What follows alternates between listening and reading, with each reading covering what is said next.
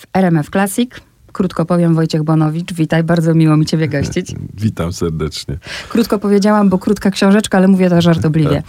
Wojciech Bonowicz przyszedł z książką Historię na każdą godzinę. Od razu powiem tak, rzuciłam się na tę książkę i bardzo szybko zrozumiałam, że niepotrzebnie się na nią rzuciłam. Pierwsze czytanie było faktycznie na raz. I można tę książkę naprawdę przeczytać bardzo szybko, ale zupełnie nie o to w niej chodzi. E, no ja tak zadrżałem trochę, jak powiedziałaś, że niepotrzebnie, bo, to, bo to oczywiście e, zabrzmiało trochę dwuznacznie. Ale rzeczywiście to jest taka książka, która bardzo powoli powstawała i chyba też powoli powinna być czytana. Ona się składa z krótkich prus którym dodatku towarzyszą ilustracje, pewnie o tym więcej powiemy. Wszystkie te prozy, takie mam wrażenie, e, mają taki charakter raczej skłaniający do tego, żeby poświęcić im więcej czasu niż, niż tylko po prostu tak się z nimi zapoznać i przewrócić kartkę. Nie? Powiedz, bo powiedziałeś, że pisałeś się długo. E, zastanawiam się też, czy, czy, czy ty te teksty sobie gdzieś tak pisałeś pomiędzy, nie wiem, pomiędzy poezją, pomiędzy rzeczami, nad którymi pracowałeś, na przykład do Tischnera. Czy był na przykład z tyłu głowy faktycznie jakiś plan, jakiś cel i konkretny odbiorca? No właśnie, to jest taka książka, która się narodziła zupełnie przy okazji. Ja, o czym wspomniałeś, zajmuję się bardzo wieloma różnymi dziedzinami słowa.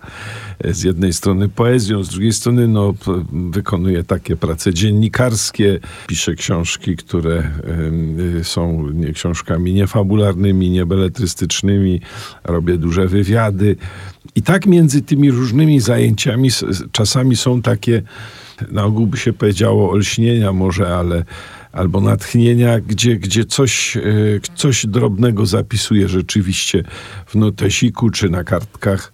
Ja ciągle piszę ręcznie te najważniejsze rzeczy. Także to są takie ręczne notateczki. I one się tak zbierały przez lata, bez właściwie żadnego celu. Nie myślałem o nich jako o książce. No, od po prostu sobie tak notowałem, nie wiem, zaobserwowane sytuacje, coś, co, co przyszło mi do głowy pod wpływem snu. Czasem na, nakładały się na siebie rozmaite przeżycia i rozmaite sceny, i z nich jakby kreowała się zmyślona, ale jednak y, oparta na rzeczywistych punktach wyjścia historia. Y, krótko mówiąc, to, to, to, są takie zapisy z dnia codziennego, ze świata, który mnie otacza, który obserwuję, o charakterze trochę takim bajkowym, prawda? Taki, taki, takim baj, bajkowo-przypowiastkowym, bez morału, ale jednak trochę do myślenia. I jak się tego już uzbierało trochę, to, to, to powstał pomysł książki. Od razu powiem, że y, katalizatorem pomysłu była ilustratorka tej książki, pani Sylwia Krachulec, bardzo młoda graficzka, która wysłała do wydawnictwa Znak swoją pracę dyplomową. Bardzo ładną. Piękne rysunki, tak, robione taką subtelną kreseczką. Trochę taka, tak, taka technika archaizująca, ale z drugiej strony y, z pewnym przekrętem, z pewnym pomysłem, bardzo delikatnym, ale, ale z taką skłonnością też czasem do takich absurdalnych rozwiązań. I mnie się te prace bardzo podobały. I wtedy y, zapytałem redakcję znaku, czy, czy może by zaproponować tej pani współpracę i zrobić taką książeczkę, albumik jakby taki, z jej ilustracjami i z moimi tekstami, których trochę się uzbierało. No i tak to się w życiu dzieje, że człowiek niczego nie planuje, a potem jest już książka. Ja nie wierzę w ogóle w przypadki, więc mm. w życiu bym nie pomyślała o takiej historii, nie? że ktoś wysyła swoją pracę dyplomową i ty dopiero w tym momencie myślisz o tym, aha, to te teksty, które piszę sobie kilka lat, mogę, pasowałyby do tych ilustracji na tak, przykład. Tak, nie? Wiesz, no to są takie sytuacje, że ktoś, ktoś jakby uruchamia w tobie mm -hmm. ta, y, trochę now, nowe spojrzenie. Mm -hmm. Przyglądasz się, chciałbym coś zrobić z, z, z, kimś, kto tak subtelnie rysuje, a potem myślisz, o, nie, nie muszę tak znowu całkiem wszystkiego wymyślać, bo mam już w papierach takie, tak, takie rozmaite notatki.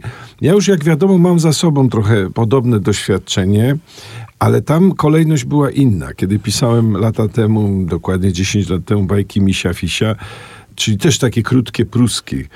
Może z wyraźniejszym adresem dziecięcym, ale, ale, ale generalnie dosyć podobne w formie. To najpierw miałem jakby zbiór tych prus, a potem zaproponowałem Bartkowi Wagleskiemu, z którym się przyjaźnię, żeby je zilustrował. Wiedząc, że skądinąd Bartek coś sobie tam na boku właśnie rysuje od czasu do czasu. No i tak ta książka powstała. Zresztą do dziś mam bardzo duży sentyment do tej książki i i bardzo ją lubię. I niewątpliwie te historie są trochę na przedłużeniu tych bajek Misia Fisia, bo to jest takie mm -hmm. misio-fisiowe spojrzenie, to znaczy spojrzenie na świat, y, który po prostu na naszych oczach oferuje nam nieustannie jakieś zaskoczenia, jakieś, jakieś takie piękno nie, nie, przez nas nie, nie, niechętnie odkrywane, czy nieumiejętnie odkrywane.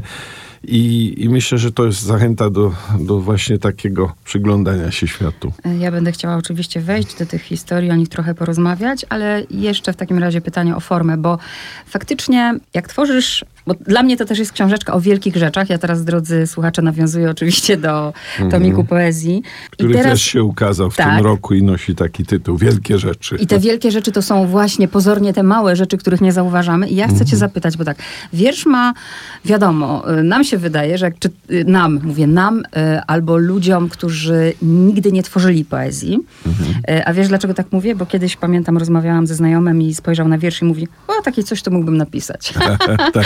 No takie tam cztery wersy to mógłbym napisać. Wiadomo, że jak tworzy się poezję, to jest zupełnie inne myślenie. Powiedz, co dla ciebie jest, nie wiem jak ubrać to łatwiejsze? Powiedz mi o formie i na przykład dlaczego się nie zdecydowałeś tego ubrać w wiersze? Yy, bardzo dobrze, że o to pytasz, bo rzeczywiście w tym roku ukazał, ukazały się w odstępie no, kilku miesięcy dwie książki. Pierwsza jest jednak takim typowym tomem czy zbiorem wierszy. Natomiast ta historia na każdą godzinę jest dla mnie jednak zbiorem mikroopowiadań. Ja to tak na ogół nazywam ten gatunek. Oczywiście ktoś może powiedzieć, że to są poematy prozą, czy, czy, czy takie miniatury poetyckie, ale w, w gruncie rzeczy ja to w, w głowie bardzo tak wyraźnie oddzielam. Gdybym robił, nie wiem, dzieła zebrane z poezji, to jednak bym te, tej książki tam nie włączał, bo wydaje mi się, że tam tutaj w tych historiach jest bardzo istotny taki potencjał jednak fabularny. To znaczy, że to są, to jest jednak epika, jak już tak nawiążę do, do tych szkolnych podziałów. To są jednak historie, które mają swoich bohaterów, mają jak, jakąś akcję. Ona jest pokazana szczątkowo, bo to są naprawdę bardzo małe formy. Wszystkie mieszczą się na jednej stronie druku, niektóre mają tylko jeden, dwa akapity, inne są troszkę dłuższe, no ale to są wszystko takie opowiadania na jedną stronę. No ale te historie tam są, prawda? Jest tam jakaś są jakieś wydarzenia, które my sobie musimy, jako, czytając, interpretować. Nie? I to mi się wydaje bardzo, e, bardzo ważne, żeby nie zapomnieć też o tym elemencie takim fabularnym. Wiersze my odruchowo czytamy jak liryki. To też jest już trochę złudne, bo poezja współczesna się bardzo zmieniła, jest właściwie taką mieszaniną. Bardzo ważne jest, żeby umieć używać różnych kluczy do różnych wierszy w, w tym samym tomie nawet, prawda? poeci często nas trochę zaskakują, usiłują jakby ciągle zbijać nas z tropu kiedy czytamy, to nie jest takie łatwe dla czytelników. Tutaj aż tylu takich zabiegów nie ma. To znaczy, tak, to jest książka, którą można przeczytać, że tak powiem, naiwnie. To znaczy, tak biorąc Można, wszystko, nie trzeba, więc może być też tak, nawet dla tak. tych najmłodszych, prawda? Oczywiście. Mm-hmm. Ja nawet sobie wyobrażam i nawet już wiem, że tak jest, że, że, że, że, są dorośli, którzy tę książkę kupili i czytają ją z dziećmi, prawda? Mm-hmm. Co w ogóle jest zawsze, moim zdaniem, naj, najlepszym aktem lektury, żeby czytać coś wspólnie z kimś. I to jest jedna książka, która daje taką, taką satysfakcję właśnie także przez to, że, że, że spotykamy się z historiami, które skądinąd moglibyśmy być może sami opowiedzieć. Obserwowanie pani na balkonie, która karmi gołębie, wydaje mi się, nie, nie jest jakimś ekskluzywnym wydarzeniem. Myślę, że każdy w życiu miał mógł zaobserwować, jak ktoś inny karmi ptaki. Chodzi o to, żeby, żeby ten tekst pomógł nam jakby spojrzeć na te na to zdarzenie jakoś na nowo, nie? Zobaczyć je y, jeszcze troszkę w innym świetle. Filip Zawada napisał, nie wiem, czy widziałeś na swoim mm -hmm. Facebooku, że zazdrości, że nie wpadł wcześniej na ten pomysł. To, jest najładniejszy w ogóle komplement, jaki jeden y, piszący może ofiarować drugiemu, to znaczy, że zazdrości. To, ale w takim pozytywnym sensie. Ja też pamiętam, że podszedłem kiedyś do kolegi poety i mówię, mam do ciebie zazdrość o te dwa, trzy wiersze. I on tak pokraśniał, bo, bo to znaczy, że, że chętnie by się taki wiersz samemu napisało. Oczywiście te historie mają też potencjał poetycki. I jak ktoś zna trochę moją twórczość yy, wierszowaną, to wie, że tam również bardzo istotną rolę odgrywa obraz. Ale tam obraz i mini fabuła jest trochę inaczej prowadzona. Jednak te zasady rządzące poezją, nawet sam podział na wersy, powodują, że, że troszkę inaczej się tą historię prowadzi. Możliwe są większe takie uniki, te szczeliny są w tej historii troszkę szersze, trzeba więcej jakby ją uzupełniać. Tutaj to jednak się trzyma pewnej takiej, nie wiem, pe pewnej techniki charakterystycznej dla noweli. Ale podkreślę, to są mikronowele. Ja I... dlatego zadałam to mm -hmm. pytanie, bo twoje wiersze to są właśnie też historie. Tak, tak. Przecież tak, wystarczyłoby tak. tylko tutaj, no właśnie parę zabiegów. Ale coś, coś by, y, myślę, że każdy, kto weźmie jedną i drugą książkę do ręki, bardzo szybko zobaczy, jakie są różnice, prawda? Tutaj jednak jest, te, te historie są troszkę czytelniejsze tak. niż, niż te zapisane w wierszach. W wierszach bardzo często ja, ja robię, tak, e, robię taki obrazek, który jest naprawdę bardzo wieloznaczny, nieoczywisty. Nie, na, w pierwszym czytaniu wydaje się, że wszystko jasne, a potem w drugim, w trzecim okazuje się, że tam jednak jest masę niedopowiedzeń, które trzeba uzupełnić. O tytuły nie pytam, bo są, no właśnie, takie bajkowe. Tak. Ale jaki jest klucz doboru tych tekstów w takim sensie, że wiesz, no miałeś mnóstwo tych tekstów, y, tak jak mówisz, z kilku lat. No i coś, coś spowodowało, że zdecydowałeś, że ćwiczenie jest pierwsze, podróż jest druga. Co? To znaczy, tych tekstów nie było w końcu tak dużo, ale, ale no ileś się tam uzbierało. Rzeczywiście do, dokonałem wyboru 24. Te, te, w pewnym momencie mnie tak olśniło, że to byłby dobry tytuł. Historię na każdą godzinę, żeby ich było dokładnie tyle, ile tak. godzin w ciągu doby. A ludzie różnie, bo niektórzy czytają nocami, a niektórzy nad ranem i, i tak dalej. No, to, ta kompozycja to jest najtrudniejszy zawsze moment w powstawaniu książki, zarówno poetyckiej, jak i takiej książki z mini prozami, y, bo y, no, jakoś trzeba tego czytelnika, czytelniczkę przywitać, trochę nastawić. Ta, ta pierwsza proza, która otwiera tę książkę, ona ma taki charakter trochę jakiejś deklaracji, prawda? Nie wiem, czy przeczytać ją. Oczywiście, bo będziemy o kilku y, rozmawiać. Przeczytaj ćwiczenie. Zamknij oczy i wyobraź sobie, że jesteś nosorożcem. Idziesz przez świat ciężko, z wielkim rogiem na nosie i wszyscy trochę się ciebie boją, więc ustępują ci z drogi.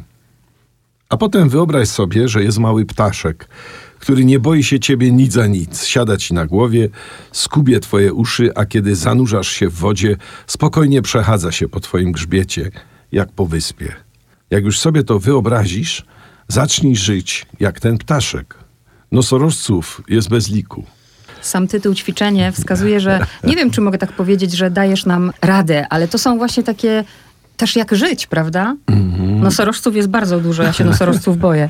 No, tytuł rzeczywiście ma sugerować, że, że, że i to konkretną historię, i mhm. może całą książkę należy potraktować tak. jako trochę takie ćwiczenie. Już się w opisach po, pojawiło takie sformułowanie, że to są takie ćwiczenia z uważności, prawda? Z... Trening mentalny, teraz tak, się na to tak, tak mówi. Tak, tak, tak. Ale chodzi raczej nie tyle o taką sprawność intelektualną i taką, y, ta, taką błyskotliwość i, i, inteligencji, tylko chodzi raczej o takie właśnie umiejętność skupienia na szczególe i od szczegółu, i ze szczegółu wyciągnięcia pewnej lekcji jakby dla siebie, co, co właściwie ja w życiu robię i co byłoby ważne.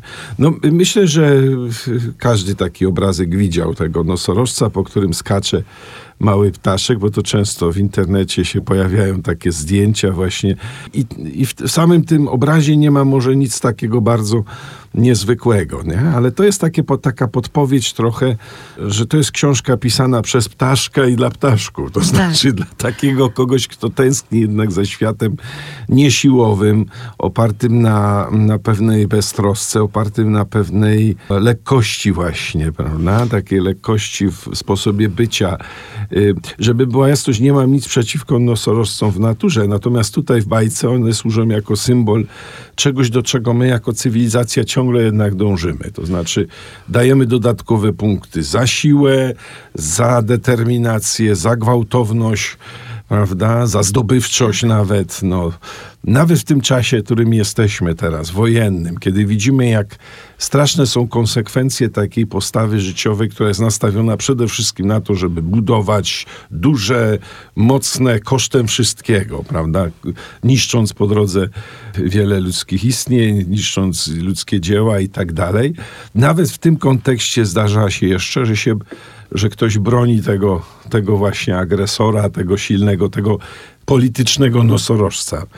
To opowiadanko powstało dosyć dawno, muszę powiedzieć. Myślę, że ono ma już z 8 lat, ale nagle w tym kontekście ono jeszcze zaczyna znaczyć co, mhm. co, coś innego.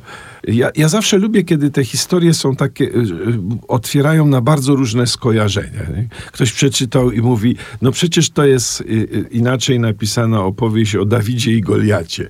No trochę tak jest rzeczywiście. To jest odwieczna, mityczna opowieść o tym, że są te wielkie, potężne, prawda, figury historii, no ale są też ci, ci mali z procami, którzy, prawda, nawet w państwie Liliputów postano, po, po, po, potrafili skrępować wielkiego Gullivera, więc to jest coś takiego. Dwa następne, ja sobie wybiorę kilka i ty sobie Dobrze. wybierzesz kilka, ale dwa następne bym połączyła, dlatego że to jest właśnie dla mnie y, o tym, o czym ty wspomniałeś, o uważności. Przeczytajmy jedno za drugim. I podróż, i wiadomości.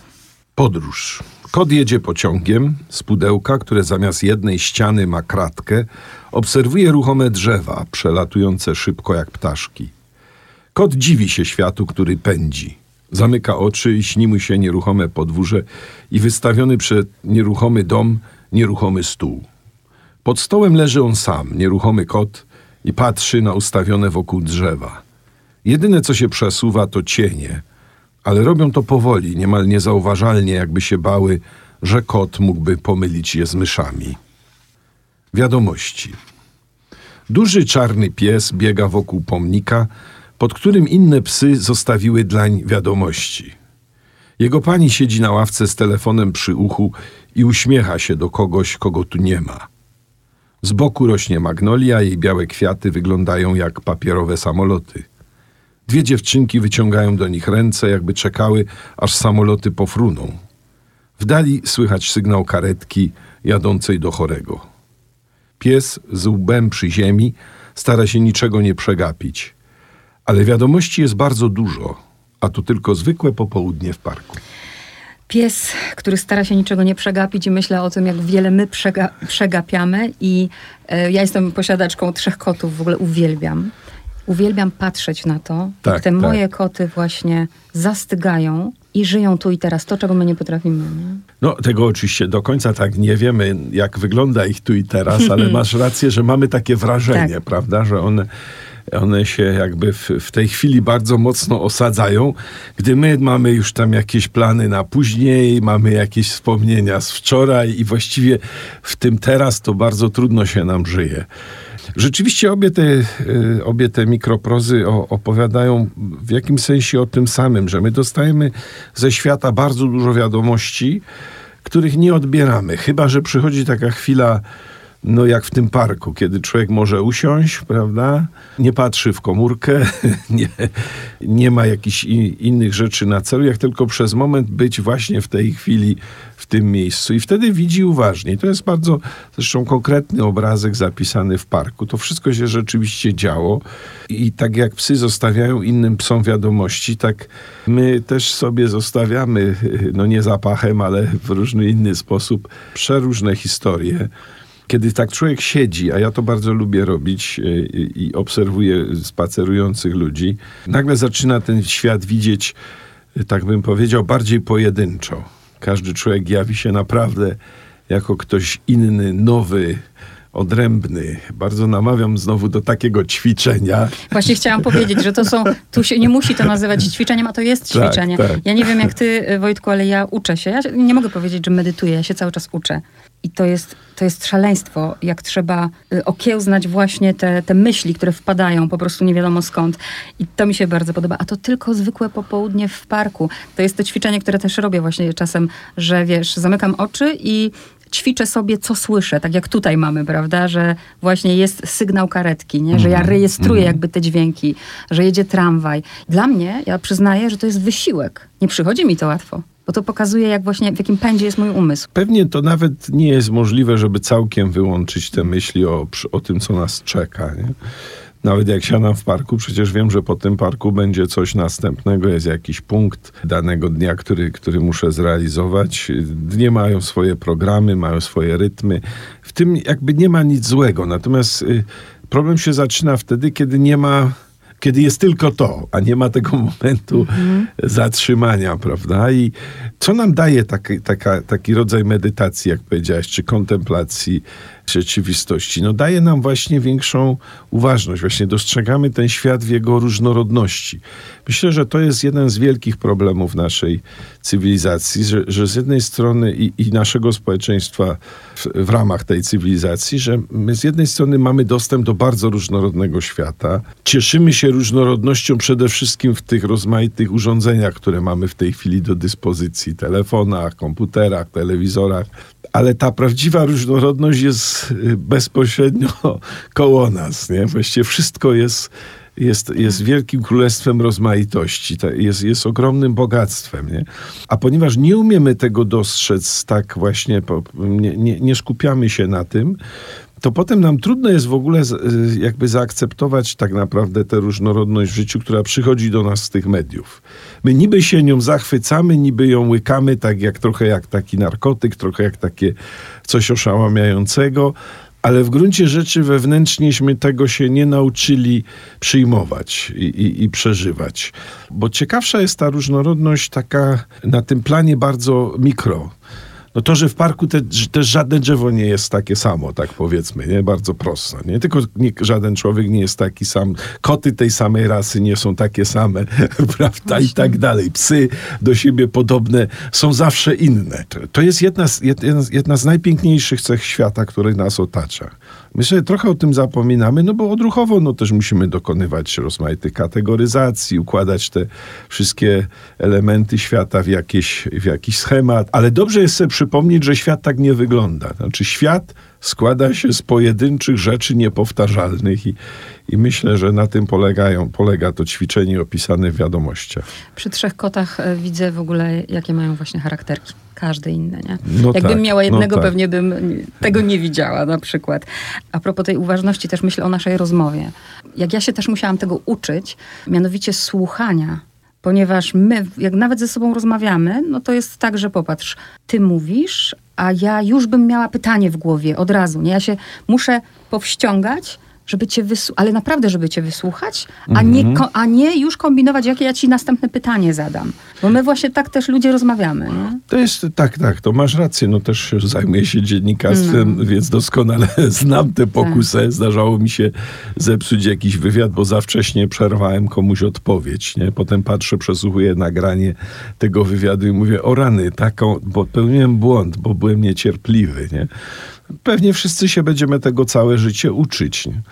Ale nawet, y, zobacz, w radiu jest ten element także, że na przykład kiedy wybieramy muzykę, to też wybieramy tak, żeby ona była różnorodna, prawda? Żeby, żeby, żeby jakoś podkreślić to, że, że, że, że w ciągu jednej godziny my możemy przeżyć ileś różnych nastrojów, y, żeby to nie było monotonne. No czasem są takie audycje, mm -hmm. prezentują jeden gatunek muzyczny i dość zbliżoną muzykę. Albo niektóre radiostacje grają sześć numerów w godzinie. Tak, tak, tak, tak, tak, tak, tak, tak. Natomiast tutaj y, mi się wydaje, że to, ta potrzeba zróżnicowania jest w nas bardzo duża. I tak naprawdę my na, na co dzień ją jakoś tam pielęgnujemy, nie? Ale y, rozmaite nasze zajęcia takie codzienne raczej nas zmuszają do pewnego przytępienia naszej uwagi.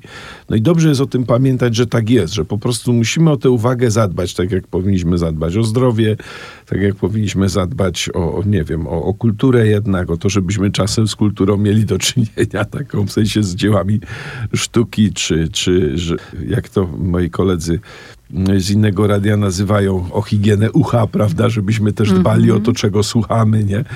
I, I tak dalej. No i tak samo tutaj, no. A teraz słuchając cię, y, uświadomiłam sobie, że jednak bywam ptaszkiem, z czego jestem dumna. Wiesz dlaczego? Bo kiedyś usłyszałam coś takiego, właśnie w tej mojej pracy dziennikarskiej, że nie wolno za dużo dawać wolności gościowi, że to ty rządzisz, ty decydujesz, ty masz na, pytać, nie? A ja właśnie tak nie robię. I, I, co ty o tym myślisz? No to, co ja myślę, to nie ma znaczenia, bo to ważne, co myśleli wtedy o tobie przełożeni. Rozumiem? No to źle myślę. Rozumiem, że w, w, w radiu, w którym rozmawiamy, sytuacja jest inna. Wiesz, to akurat Tischner kiedyś powiedział, bardzo uważam trafne zdanie, że zapanować nad kimś to jest w gruncie rzeczy najłatwiejsza rzecz na tym świecie. Znaczy zmanipulować go, zapanować, pokierować nim, prawda? Często mówimy, że ludźmi nie jest łatwo kierować. To nieprawda. Bardzo łatwo wzbudzić jakieś nastroje takie społeczne, jak strach na przykład, albo, albo pragnienie czegoś, posiadania, odwołać się do różnych takich podstawowych potrzeb. Zapanować nad człowiekiem, mówił Tischner, jest bardzo łatwo, ale obudzić w nim poczucie jego własnej wolności jest niezwykle trudno. I myślę, że to jest kluczowa sprawa i w naszej profesji, mm. i także w życiu nas jako rodziców, i także w relacjach, które nawiązujemy. Dużo się dzisiaj mówi o przemocy, ale istnieje coś takiego jak delikatna przemoc, przemoc, którą nie biegnie się do sądu, prawda, bo, bo ona nie, nie da się jej opisać prawie, ale właśnie takie wszystkie sytuacje, kiedy my jakby ludziom próbujemy coś bardzo mocno narzucić niepotrzebnie. Nie dlatego, że mamy na przykład wspólny cel, trzeba kogoś ratować, no to wtedy musi być ten lider, który mówi, słuchajcie, trzeba zrobić to, to i to, prawda? I wymaga posłuchu. Tylko są takie sytuacje, kiedy jakiś problem należałoby rozwiązać wspólnotowo, a my tego nie umiemy robić. Jak siada taka grupa, to od razu pojawia się ktoś, kto chce grupie narzucić swoje rozwiązania, prawda? Zamiast wysłuchać różnych możliwości i znaleźć pewien konsensus. Więc to, to mi się wydaje bardzo ważne, żeby wychowywać ludzi do wolności, ale nie w sensie takim, że ty zawsze i wszędzie możesz sobie wszystko powiedzieć, bo to jest najprostsza odmiana wolności. Tylko, że ty się uczysz jakby respektować to, że świat jest różnorodny, w związku z tym są różne punkty widzenia, w związku z tym są różne wolności, czy różne sposoby przeżywania wolności. I trzeba ludzi wychowywać do pewnej zgody, którą nazywamy dialogiem. Nie? Bardzo mm. takie słowo dzisiaj nie. Mm, postponowane nawet trochę, no bo też i tym pojęciem też manipulowano, prawda, mm. dialogu. Nie chcę za daleko wejść Rozumiem. w taką filozofię życia, wiesz, tylko jakby to powiedzieć, mam nadzieję, że te historie na każdą godzinę skłaniają trochę do takiego przeżywania świata, o, o jakim ty mówisz. Nie zapanować nad tym światem, yy, prawda? Y, tylko, tylko, tylko wsłuchać się w niego. To dotyczy świata ludzkiego, ale to dotyczy tak samo świata zwierzęcego, świata przyrody. No wejść w ten las i być w lesie, a nie, nie myśleć, o tu bym sobie wyciął na tej polanie i tu by, tu by można postawić, prawda? I... Zaraz ty sobie wybierzesz teksty, ale popatrz, tak się dziwnie złożyło, że akurat idę po kolei. Ja mhm. bardzo lubię osiedle. Przeczytaj proszę. Tak, ja też bardzo lubię to. to. Jestem jakoś przywiązany do tego opowiadanka. Osiedle. Na osiedlu najważniejsze są szyby. Mnóstwo szyb, za którymi żyją ludzie. Wieczorami szyby są podświetlone, żeby można było zobaczyć, co właściwie dzieje się w mieszkaniach. Ludzie żyjący wewnątrz poruszają się rzadko i na ogół wolno, jakby czuli, że są obserwowani. Tylko dzieci biegają, są przyzwyczajone do spojrzeń dorosłych i nic sobie z nich nie robią.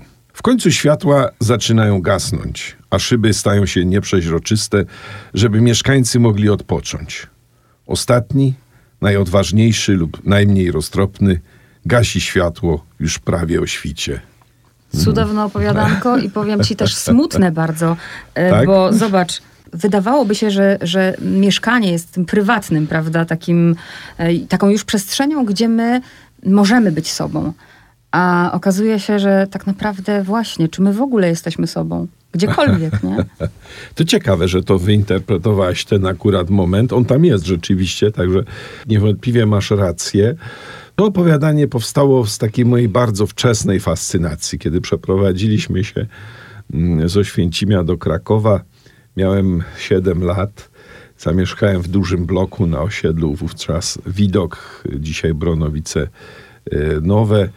Y, no i zafascynowało mnie to, że ja stojąc w oknie, właściwie uczestniczę, uczestniczę w życiu bardzo wielu ludzi. Prawda? No, mam te rozświetlone mieszkania, wtedy jeszcze nie tak łatwo było wcale o, o szybkie zaopatrzenie się w zasłony. Ten, więc te mieszkania często były otwarte przede mną patrzącym. Dzisiaj jestem, wzrok mi się pogorszył, już bym tak nie dał rady uważnie obserwować, ale pamiętam, że jako dziecko potrafiłem naprawdę długie minuty stać w tym oknie i obserwować, co się dzieje, nawet jak się tam nic specjalnego nie działo. No, ludzie siadali do posiłku, oglądali jakiś telewizor, coś sprzątali, albo po prostu siedzieli, prawda? I, i, i czas płynął.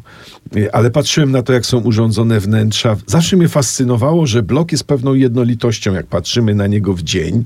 No identyczne balkony, niemal identyczne, bo jak się uważnie przyjrzymy, to zobaczymy, jak się też od siebie różnią. Identyczne okna. No ale kiedy się zapali, zapali w nocy światła, każde mieszkanie jest inne jednak, prawda? Jest inaczej poukładane są meble, inaczej inni ludzie tam mieszkają, inaczej się poruszają, prawda? Inne mają zwyczaje. I że to jest trochę taka wielka gablota, w której mamy pewny, pewny taki wystawionych na, na, na widok innych ludzi, których możemy obserwować. Oczywiście większość ludzi zasuwa jednak te zasłony Właśnie. i u, u, ukrywa swoją prywatność, ale nie wszyscy to robią. Jakby ta, to mieszkanie nocy albo noc za oknem dawała takie poczucie bezpieczeństwa, nie? że tam jest ciemno, w związku z tym ja jestem trochę niewidoczna, niewidoczny. Też pomyślałam mhm. o takich cechach naszych, wiesz, y, już y, mówię o Polsce, bo u nas jednak, mówisz nie wszędzie, ale jednak te zasłonki się zasuwa. Ja pamiętam, jak pojechałam do Anglii i tam te niskie domki, takie niskie, po prostu tak. ta, ta szyba gdzieś na, tutaj na wysokości mojego biodra. I ja byłam wtedy zaszokowana, że właśnie tam wszystko porozsuwane, nie ma żadnych zasłon i miałam wtedy właśnie takie wrażenie, że to ja głupio się powinnam czuć, że podglądam. Miałam wrażenie, że właśnie ci ludzie za tą szybą tam są sobą. Tak, tak. a u nas tylko za zasłonkami. Nie? Mam takie podobne wspomnienia i, i z Anglii, i z, y, też ze Skandynawii, ze Szwecji, prawda, że ludzie jakby nie od, odsłaniali przed nami swoje dom, domy. To nawet należało do dobrego tonu, żeby okna nie były zasunięte. To skądinąd znamy ze szwedzkich kryminałów, że jak są opuszczone rolety, to policja jest od razu czujna, że to mieszkanie, w tym mieszkaniu coś się dzieje złego, prawda? I to mnie zawsze fascynuje, na ile my rzeczywiście żyjemy prywatnie, a na ile żyjemy trochę wobec innych. No, nawet będąc w tych najbardziej prywatnych y, sytuacjach. Ale to, to opowiadanie zbiera oczywiście wiele takich emocji, które się wiążą z życiem na osiedlu. Ja to staram się starałem się zrobić bardzo dyskretnie, ale nawet to ostatnie światło, parę osób już mi zwróciło uwagę na to, rzeczywiście mm -hmm. jest zawsze coś takiego jak ostatnie okno, prawda? Tak. I wchodzimy nocą na osiedle, już wszystko pogasło, świecą tylko lampy, ale jest zawsze jakieś jedno okno, które, które jest rozświetlone, albo ktoś jeszcze ciągle się nie położył, albo za chwilę, tak. E, albo już wstał, bo za chwilę musi wyjść, e, wyjść do pracy, nie? I i ten fenomen tego ostatniego okna też był dla mnie zawsze taki, taki przejmujący. Jak się obudziłem w nocy, to za, za, leciałem do tego okna naszego i patrzyłem, czy jeszcze jest ktoś, kto, kto, kto świeci światło i kto, kto jakby pro, żyje właśnie w tym czasie, kiedy cała reszta śpi. Popatrz, jakie mamy wspólne doświadczenia. Myślę nie tylko no. moje i twoje, ale wszystkie. Tak, to jest myślę, że bardzo nie? wiele osób tak. to... Dzisiaj oczywiście nasze życie trochę się przenosi z bloków, ale tylko trochę. Mm. Zobaczmy, że nawet te nowe osiedla są budowane jeszcze mniej dyskretnie. Domy są bliżej siebie, balkony są bliżej siebie. Ludzie nie tylko y, obserwują się, siebie wzajemnie, ale też y, właściwie y, uczestniczą w tym życiu jeszcze bardziej. Wąchają, y, czy znaczy czują zapach kuchni, czują zapach papierosów, prawda? Tak. Czasem czują zapach prania, bo tak blisko są balkony, że, że, że to wywieszone pranie właściwie pachnie na całe podwórko i tak dalej.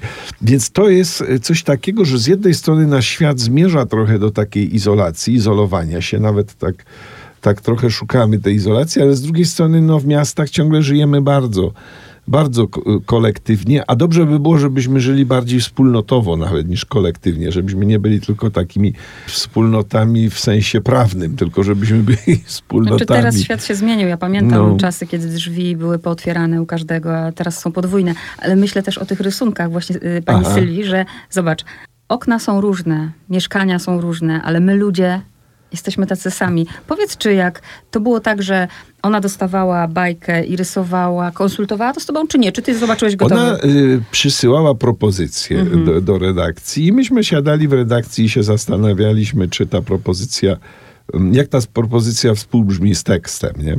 Tu w tym osiedlu, to zdradzimy y, może y, słuchaczkom i słuchaczom, y, ilustracja wygląda w ten sposób, że to są okna właśnie nieosiedlowe, mm -hmm. znaczy nietypowe. To są, powiedziałbym, okna raczej z kamienic, z, z budynków takich wielorodzinnych, ale jednak niedużych prawda? Takie stylowe okna, okna z poddasza i tak dalej. Tak właśnie nietypowe osiedlowe okna. I to mi się szalenie spodobało, że to jeszcze jakby wprowadza nowy nowy element do tego opowiadania, a podkreśla z drugiej strony to, na, na czym mi w całej tej książce zależy i o czym mówiliśmy, że świat jest różnorodny, różnorodny tak że każde okno jest inne, choć się wydaje tylko prostokątem, prawda? No nie jest prostokątem. Tu na rysunku pani Sylwii mamy wszelkie możliwe figury geometryczne, także to, to, mi się bardzo spodobało. I tak wiele razy było. Czasem ja coś zasugerowałem, czasem ona coś zmieniła w, już w pierwszej swoim pomyśle i czasem redakcja coś podpowiedziała.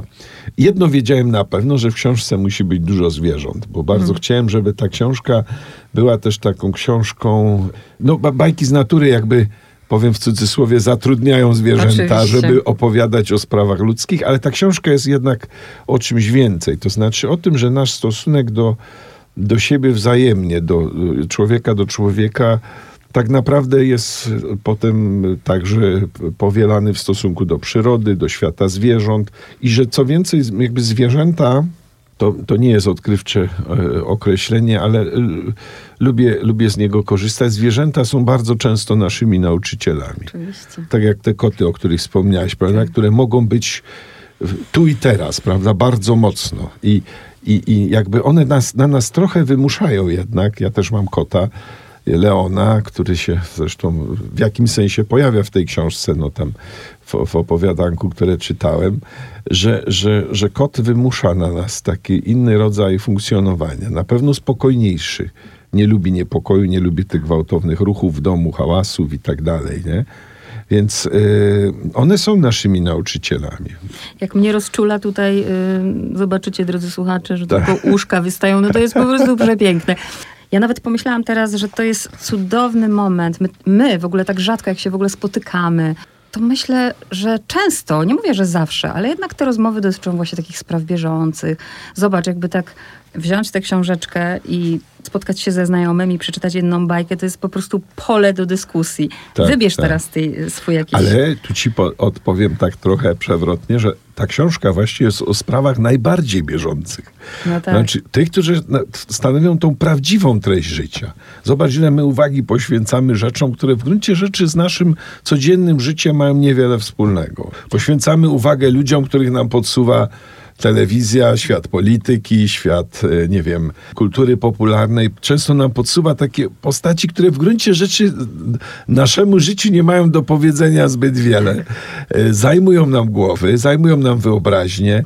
Kiedyś napisałem nawet taki felieton, ile jest takich postaci, o których ja bym wolał w ogóle nie znać, no ale niestety muszę je znać, bo pchają się do mnie ze wszystkich stron. Tymczasem umyka nam to bieżące życie. Tu jest trochę takich opowiadań właśnie mówiących o tym, jak jak ważne są relacje, y, jak ważne jest, żeby widzieć swoje dziecko na przykład, prawda? Ludzie często widzą wszystko dookoła, tylko dziecko jakoś im znika z tego, Masz z, telefon z tego pola widzenia, prawda? Wybierz. Ale takie, które, no właśnie. Takie, które powstało jako ostatnie do tej książki i które zawiera w sobie taki element też mm, dla mnie bardzo ważny opisania takiego nastroju, kiedy smutne łączy się z radosnym. Opowiadanie nosi tytuł Wieloryb. Starszy pan pojechał zimą nad morze. Spacerował po zaśnieżonym molo i po plaży, którą też przykrył świeży śnieg. W kawiarni tuż przy plaży zamówił podwójne espresso i bezę z kawowym nadzieniem. Wychodząc zauważył gromadkę ptaków, które szarpały porzucony bochenek chleba. Czy widział pan wieloryba? zapytała go dziewczynka, która także zatrzymała się przy ptakach. Tutaj nie ma wielorybów, odpowiedział, ale wiele lat temu, kiedy byłem jeszcze młody, widziałem kilka, jak pluskały się w oceanie. Chciałabym, żeby któregoś dnia tu przypłynęły. Kiedyś we śnie zobaczyłam wieloryba i z emocji rozbolał mnie brzuch. Myślę, że gdyby tu przypłynął, brzuch znowu by mnie rozbolał. Jest taki rodzaj bólu, który sprawia nam przyjemność, prawda? Uśmiechnął się starszy pan, bo przypomniał sobie, po co przyjechał nad morze. Bardzo lubię to opowiadanie, bo ono no, mówi o czymś takim, co, co myślę jest bardzo częstym doświadczeniem. Ja je napisałem w Sopocie. W takim nastroju powiedziałbym z jednej strony właśnie radosnym takiego spotkania z morzem, radosnego takiego spotkania ze światem, którym ja się bardzo dobrze czuję od pewnego czasu, szczególnie za, za morzem tęsknię. Lubię góry, lubię jeździć w góry, ale jakoś morze stało się takim bliższym mi żywiołem. Może przez to, że, że działa tak bardziej kojąco na mnie, nie wiem. Ale z drugiej strony w tych powrotach nad morze jest nieuchronny element też smutku, prawda? Jakiejś tęsknoty za czymś, co, co się nie zdarzy, prawda? Może się zdarzyło w przeszłości, już jest niemożliwe. On ewidentnie, ten bohater mojego opowiadania, y, przyjechał nad morze jakby coś wspominać. Mhm. Prawdę mówiąc, znowu był ktoś, kto uruchomił to opowiadanie. Spotkałem na Molo w Sopocie taką panią, która mówi, że przyjechałam tu po 30 y, latach, bo 30 lat temu byłam tutaj ze swoją zmarłą niedawno siostrą, nie? I to mnie nagle zastanowiło, że ludzie właściwie w pewnym sensie jadą zrobić sobie trochę taką symboliczną krzywdę, no bo mhm. będą tam trochę cierpieć. Ale z drugiej strony to cierpienie jest przeniknięte jakąś radością, wspomnieniem tych radosnych chwil, które, które, któreśmy przeżywali razem. Nie? Jest rozłąka, jest tęsknota. Nawet w tęsknocie jest przecież coś takiego, nie? Że, że tęskniąc równocześnie jesteśmy smutni i, i weseli, prawda? Jakbyśmy tę osobę już przywołali tutaj w to miejsce, chociaż jej tu nie ma, nie? Najlepsze są chyba te, te historie, ja przynajmniej te najbardziej lubię, gdzie udaje się zapisać tę taką nieokreśloność trochę naszych uczuć, wiesz, mm. ten nasz świat uczuciowy, który jest bardzo skomplikowany, bardzo dziwny, nie da się go nieraz nazwać jednym słowem i ja próbuję go nazywać właśnie tymi scenami, tymi obrazami. A ja jeszcze powiem ci, co, co, co dla mnie było ważne akurat w tym opowiadaniu, to to, że szkoda, że tak jest, bo to jest starszy pan, e, który, zobacz, już potrafi bo już przeżył życie i wie, na czym ono polega. I on już widzi gromadkę ptaków, które szarpią porzucony bochenek chleba. On już potrafi być uważny i uwaga, potrafi być też uważny na to dziecko. On mhm. nie zignorował tej dziewczynki. On mógł powiedzieć, tutaj nie ma wielorybów, nie? Koniec, nie? Mhm. I nawiązała się między nimi ta relacja. I to jest właściwe często właśnie ludziom starszym i dzieciakom. A my pośrodku zabiegani. No, obyśmy mieli w sobie mimo wszystko, prawda?